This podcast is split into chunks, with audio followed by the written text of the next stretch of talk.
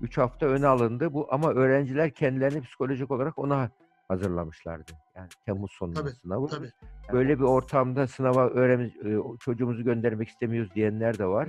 İnsanlar beklentiyi yüksek tutunca beyinlerinde yeni dosyalar açılıyor, yeni alanlar devreye giriyor. Çalış, Hı. son güne çalış, son bir iki hafta çalışıp böyle girerler sınava. Toplumsal cinsiyet eşitliği diye bir tuzağa düştük. Bir, e, New York'ta bir kadın imam çıktı. Namaz kıldırdı.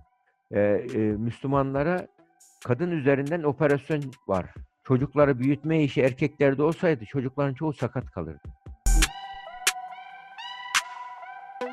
Efendim hepinize hayırlı günler diyorum. Serdar Arseven YouTube kanalında birlikteyiz. Profesör Doktor Nevzat Tarhan hocamız bugün misafirim. E, hoş geldiniz hocam. Hoş bulduk. Teşekkür ederim. Ee, iyi yayınlar diliyorum ben de. İyi Sağ olun, teşekkür ederim. diliyorum. Tabii. Bu süreç Evet. Üsküdar Üniversitesi açısından nasıl geçiyor efendim? Derslerin %30'unu uzaktan eğitimle yapma e, yetkimiz vardı. Onun için bir hazırlık yapıyorduk çalışma içerisinde. Altyapımızı ona göre kurmuştuk. E, altyapımızı devreye soktuk. Derslerin %99'unu canlı sınıf olarak yaptık. Hocamız da öğrenci de bayağı memnun. Ama okulu özledik diyenler var tabii ya. Şimdi gençler için özellikle buradaki arkadaşlık daha şey. Bir de evde kalınca şu anda anne baba baskısı da var gençlerde. Yani o da onları bunalttı. Yani okulun kıymetini de biraz an- anladılar gibi. Üniversite sınavlarının sınavının ileri alınması, işte ile, önce ileri alınması, sonra geri alınması gibi bir durum oldu. Şimdi insanlar hani gençler kendisini bir duruma göre ayarlamış. Yeni bir durum söz konusu. Tavsiyelerde bulunmanızı istirham edeceğim. Yani Tabii. genç psikolojisi açısından, öğrenci Tabii. psikolojisi açısından. Buyurun hocam. Bir, bir ay ertelenmişti. Üç hafta öne alındı. Evet. Burada da tabii e, öğrencilerin yine düşünülerek aslında çünkü e, Temmuz ayı tatil ayı. Ta- sağa sola gidecek herkes. Yani öğrenci için de zorluk olacak. E, bu sosyal hareketlilik, turizm vesaire için de zor olacak. Üç hafta öne alındı bu ama öğrenciler kendilerini psikolojik olarak ona hazırlamışlardı. Yani Temmuz sonunda Tabii, sınavı. Tabii. Eee, zaman var. Ya ama nasılsa var deyip de biraz işi eee, böyle sürüncemede bırakanlar biraz eee, şey oldu. Bir ay kaybetti gibi oldu. Üç hafta kaybetti gibi oldular. Ama telafi edilebilir. Yani biraz fazla çalışarak burada yani günde eee, 100 soru diyelim 200 soru çözüyorsa 300 soru soracak, çözecek ve bu şekilde bu günleri bir şekilde geçirecek. Yani burada yani zaten yılların birikimini ölçen bir sınav. Eee, bu Hani bu, fakat şu var, ba- bazı anne babalardan duyuyoruz, böyle bir ortamda sınava öğrenci, e, o çocuğumuzu göndermek istemiyoruz diyenler de var. Yani o tarihte e, işte Haziran'ın sonu zaten bir risk olsa e, böyle bir şeyin e, e, şartlar ilgilenecek bilim kurulundan geçecek risk olsa yapılmaz zaten. Onun için yani böyle bir e, kaygıya gerek yok. Zaten yapılsa da sınavda biraz aralar daha çok açılacak. Belki daha çok okulda yapılacak. Yani biraz plan daha genişleterek yapılacak. Yani e, maskeyle de yapılır. Yani maske ve so- sosyal mesafe olduktan sonra e, bu e, büyük de ölçüde tam olmasa da normalleşme olmuş olacak. Endişe etmeye o, o yönden gerek yok. E, de, dersini çalışan muntazam yani sınav yani öyle bir şey ki sınav yarın olacak gibi ile gitmek gerekiyor gençlerde. Hani şey için söyleriz ya Sokrates'in bir sözü var ölümle ilgili. Yani ölümden korkuyor musun diyorlar. Ben her gün son günüm gibi yaşarsam niye ölümden korkuyorum ki diyor. Evet. Yani Yani burada sürekli olarak sürekli olarak hazır bulunanlar için Tabii. tabii ki tabii bu bir fırsat. yok. bu bir fırsat. fırsat. Ama tabii ki e, şey yapanlar için, biriktirenler için Son güne bırakanlar için hiperaktif kişiler öyledir. Çalış, son güne çalış, son bir iki hafta çalışıp böyle girerler sınava. Aceleci, sabırsız. Gençlerde de çok yaygın şu anda o durum. Onlar onlar için zorlaşıyor tabii biraz. Yani bazı yaptıkları plan bozuldu. Ama e, böyle ne olacaklar? Biraz vites yükseltecekler. Arayı kapayacaklar yani. Yani şimdi onlar vites için- yükselseniz de mesela diyelim sürat arttırıyorsunuz e, arabada. Bu sefer de hani duvara toslama şeyi var. Onun da bir Evet. herhalde değil mi? Bir dengesinin Evet. olması lazım. Yok yok. Yani insanın kere- kapasitesi var. Var değil mi? Hı. Tabii ha, var. Evet, evet bu önemli. Şimdi bizim Tabii. bizim kullanmadığımız aslında kapasite Kesinlikle. O, ne kadardır? Yani ne Yani kadardır? o Mesela yani- bende ne var yani- daha acaba? ya o bir şimdi bak beklenti yönetimi diye bir şey var şu anda. Bir önemli bir bilim var. Beklenti algısı. insanlar beklentiyi yüksek tutunca beyinlerinde yeni dosyalar açılıyor. Yeni alanlar devreye giriyor kapasitesi. Kullanmadığı alanlar kullanıyorsun. Onun için e, beklentiyi yüksek tutmak kişinin e, şeyini artırıyor, gücünü artırıyor, performansını artırıyor. Beklentiyi aşık tuttu, alçak az tuttuğun zaman öğrenilmiş çaresizlik gibi bu kadar yapabiliyorum ben diyorsun. Halbuki kişi beklentiyi ama gerçekçi beklentiler yüksek tutarsak yani hat- hatta hayvanlar üzerinde yapılmış çalışmalar var. Mesela çok zeki bir at diye e, internette vardır. Bir ata bir şey öğretiyorlar. At neyin nerede olduğunu biliyor. Mesela sayıları sayıyor ayağıyla tık tık tık 4 diyor. Tık tık tık 8 diyor biliyor. Sonra bunun nasıl olduğunu e, e, hayvana nasıl yaptığını bu hat- atın zekasından mı oluyor diye araştırılıyor. Sonra bir ara hiç kimse bulamıyor. Bu at zeki diyor. Hiç diğer atlar yapamıyor. Bu yapıyor diyor. Daha sonra birisi atla e, böyle komut veren kişi arasında perde koyuyor. At sesi duyuyor ama e, komut veren kişini göremiyor. Onu yapamıyor onun üzerine at. Ve Hı hı. oradan şu sonuç çıkıyor. At karşı tarafın mimik jestlerinden onun e, böyle onaylayıp onaylamadığını anlıyor. Doğru cevabın ne olduğunu oradan anlıyor at. Bak at bile at e, bizim duygu dilimizden yani, ben mimik ve jestlerimizi okuyabiliyor. Yani bu beklentiyi at beklentiyi yüksek tutunca başarıyor. Hayvanlar bile başarıyorsa biz beklentiyi yüksek tuttukça daha çok yaparız. Onun için her zaman e, ş- şeyimizi Hazreti Mevlana dediği gibi bir ayağımız yerde olsun, bir ayağımız e, havada olsun. Ama gerçeklerden kopmayalım ama devamlı e, hayallerimiz olsun, amacımız olsun, vatanımız için hayallerimiz olsun, insanlık için hayallerimiz olsun, e, bizi yaratan için hayallerimiz olsun. Derslerde de en üste göre hayal edelim. Yani bunun gibi böyle olursa e, beyin yeni yeni e, dosyalar açıyor, yeni yeni kullanmayan kapasiteleri geliştiriyor. Yani beyni force etmek gerekiyor, zorlamak gerekiyor. Zihinsel çile varsa zihinsel gelişim oluyor. Zihinsel çile çektireceğiz ve yani bir, şey gibi halter çalışanlar, body çalışanlar bilir. Zor kasları zorladıkça kaslar gelişir. Fiili dua. bir şey fiili dua. Fiili duada sözlü duada. Sözlü duada yalnız olmadığını hissediyorsun ve o yani dua ederken aslında hayal dünyasını geliştiriyor insan ve beklentilerini ve yani her şeyi bilen, her şeyi kontrol eden bir güç var. Ee, ondan e, yani ümitsiz ve karamsarlığın ilacıdır dua. Kim Hocam- samimiyetle isterse Allah veriyor. Evet, evet. Evet. İnşallah, inşallah. Gönülden İnşallah. dilerse insan neye ne Tabii. kadar talipsin meselesi var. Hocam ben dün akşam biraz dersimi çalışmaya çalış- Evet, öyle çalıştım. mi? Ee, toplum psikolojisi ve e, makul çözüm. Kötü dünya sendromu. Biraz da ne olacak kaygısı? İnsanların hani makul olan endişenin, makul Evet. çözüm demişsiniz, aşırı hale gelmesi. Herkes yarın ne olacak diye. Bu e, koronavirüs gündeminden dolayı da biraz daha arttı bu. Bu normal mi ve nasıl başa çıkılır? Aşırı Tabii endişeyle. yani bu şu anda bu konuda e, dünyada yapılan çalışmalar var. Mesela Mısır, Fransa, İngiltere'de yapılan çalışma. Burada toplumda %70 oranında klinik düzeyde kaygı var, endişe var. Yani klinik düzeyde demek yani uzmana gitmesi gerekecek kadar demek. Türkiye'de de biz koronafobi çalışması yaptık. Yani böyle 8316 kişiydi galiba. Yani er- erkeklerde %40-50 arası kadınlarda yüzde 60-70 arası e, çok korktuğunu be- be- çıktı. Beyan ed- edenler çıktı. Bu doğal bir durum. Rasyonel korku faydalıdır.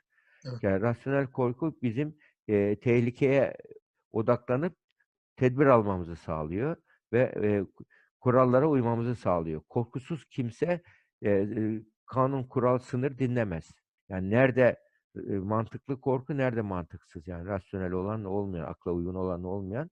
Yani bunu öğrenmek için biraz kişiler çabalaması gerekiyor. Burada bizim tavsiyemiz şu. Yani e, korku veyahut da kaygı oluştuğu zaman panik oluyor. Hastaneye acil başvuranlar var.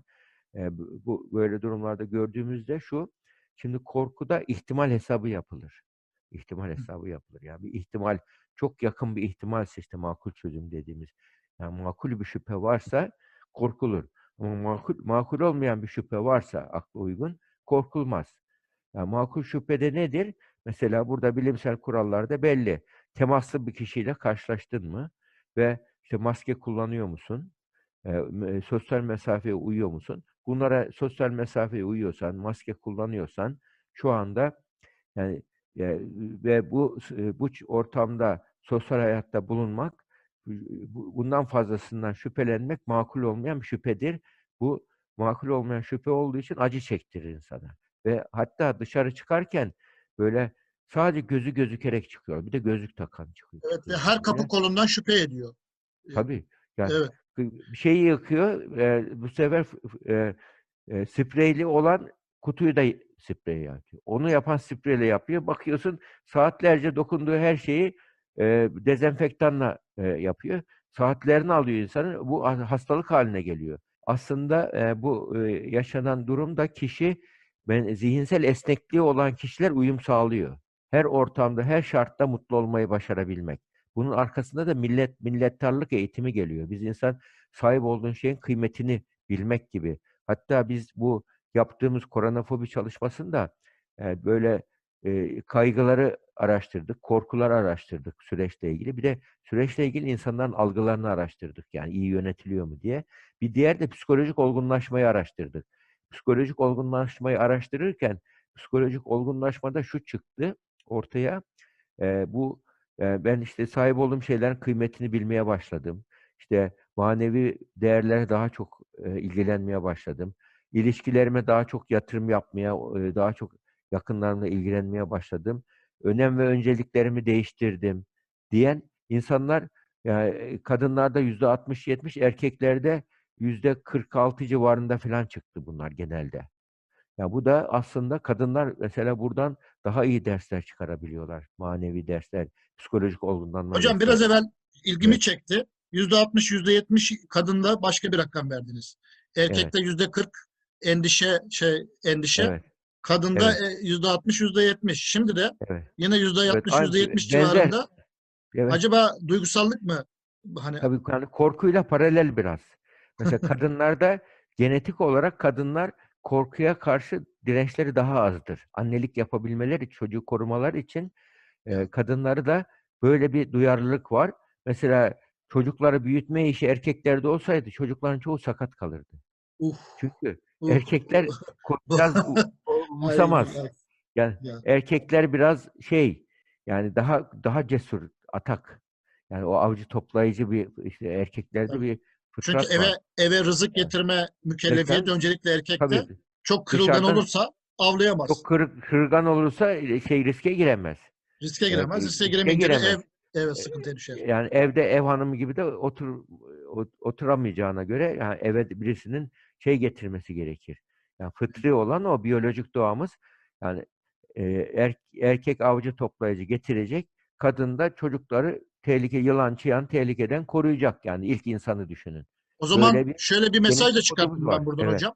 Hocam özür diliyorum. Ben şöyle bir mesaj da çıkarttım. Tabii. Kadın erkek eşitliği, fırsat eşitliği anlamında tamam da Evet. fırs fırsat eşitliği anlamında tamam da kadın erkek eşitliğini böyle pozitivist eşitlik an anlamında alanlar da Tabii. saçmalamış oluyorlar yani. Tabii saçmalıyorlar. O kadın erkek eşitliği hukukta eşittir, fırsatta eşittir ama eee, fıtratta, biyolojide, biyolojik doğamızda eşit değiliz. Hani gel Kadın tır şoförü erkek ol değil yani. Tır şoförü ol. Değil. Yani yapam yani onun çünkü yani güçlü psikolojik farklılıklar ve biyolojik farklılıklar var. Mesela ben kadın psikoloji kitabında, eee, bunu 2005'lerde yazmıştım. Yazma sebebim de aslında neydi biliyor musunuz? 2003'lerde hatırlarsınız bir, eee, New York'ta bir kadın imam çıktı. Namaz kıldırdı Evet, kadın bir imam evet, evet, New evet. York'ta. Evet. Eyvah dedim. Bu yirmisi bu şey 28 Şubat ve şeyden sonra bu 11 Eylül'den sonra, eee, eee, Müslümanlara kadın üzerinden operasyon var dedim. Onun üzerine insanın biyolojik fıt doğasının, fıtratının kadın erkek eşit olmadığı, kadın erkek eşitliği üzerinden bize operasyon çekiliyor, çekilecek İslam dünyasına.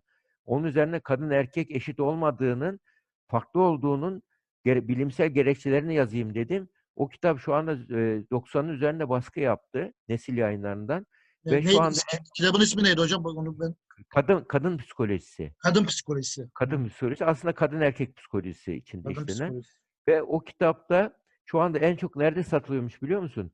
Diyanet İşleri'nin kadın irşat, eee, aile irşat büroların tavsiye ediyormuş o kitabı.